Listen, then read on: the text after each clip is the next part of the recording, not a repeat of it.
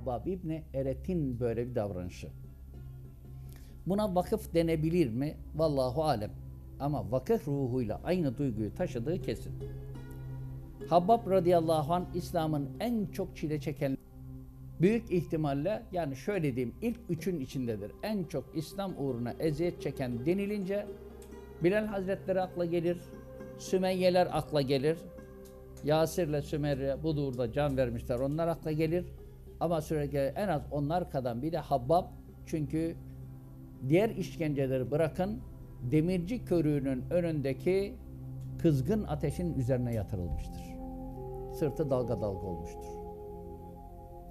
Bu aziz çilelerden geçen insan bilinen en iyi kılıç ustasıdır. Çok çalışkan birisidir. Güçlü, kuvvetli de birisidir. Sonraki yıllarda zengin olmuştur.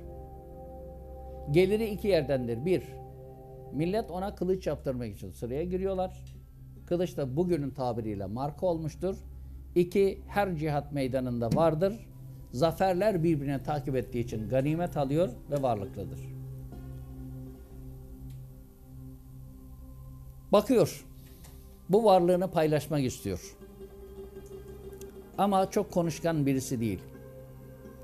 Biraz da insanlara yardım teklif etmekten utanıyor. Daha sonra bir şey düşünüyor. Kendi evine yol tarafına bir evi oda yaptırıyor. Odanın yolu tarafına kapısını açtırıyor. Sonra bir namazın arkasından genellikle bu ikindi namazı ile akşam namazı arasında bazen akşam namazının peşinden olur. Hava serinlediği için insanlar toplanırlar. Akşamla yatsı arasındaki zaman da çok olmadığı için beklerler. Onu da kılarlar. Sonra evlerine dağıtırlar. Şimdilerdeki gibi televizyonlar, internetler olmadığı için insanlar çok fazla şeyle meşgul olmuyor. Dolayısıyla sohbet ederek bekliyorlar. Böyle bir atmosferde insanlar çoğalınca Habbab radıyallahu anh ayağa kalkmıştır. Büyüklerim demiştir. Ben varlığı da gördüm, yokluğu da gördüm. Cenab-ı Allah bugün imkan ve fırsat verdi. Elimizde ihtiyacımızdan fazla malımız var. Bunun hiçbiri bizimle gitmeyecek. Bunu biliyoruz. Sizlerle paylaşmak istiyorum ama teklif etmeye utanıyorum. Büyüklerim var, yaşlananlar var, çalışamayanlar var. Artık ailesinin nefakasının teminde zorlananlar var. Ama ben onlara söyleyemiyorum. Evime bir oda yaptırdım. Bu odanın cadde tarafına kapısını açtırdım. Bu odaya ailemden hiç kimse girmeyecek. Bu odayı sizin için yaptırdım.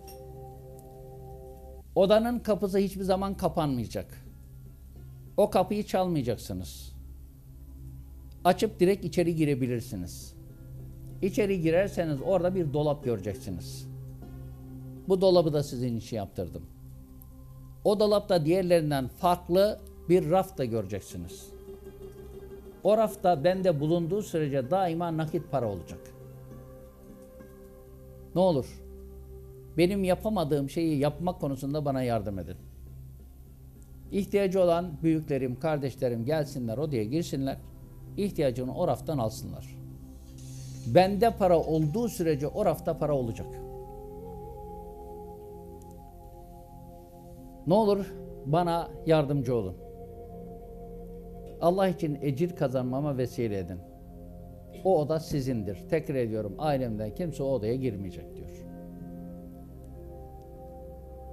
Kimler geldi, kimler gitti, kimler bu odanın kapısından içeri girdi, kimler o raftan para aldı, ihtiyacını giderdi bunu tarih bize kaydetmiyor. Ama Habbab radıyallahu anh bu ilanı bir daha yapmamıştır. Buradan anlıyoruz ki o raf çalıştı. Bir şey daha kaydediyor tarih. Habbab İbni Eret radıyallahu anh öldüğünde bu raftan 80 bin dirhem parası çıkmıştır. 80 bin dirhem tam bir servettir. Şöyle diyelim isterseniz 200 dirhem gümüşü olan dirhem biliyorsunuz gümüş paradır. 200 dirhem gümüşü olan bir insan zekat verir. 80 bini 200'e bölerseniz Sonra nisap miktarı ile çarparsanız nasıl bir para olduğu ortaya çıkar.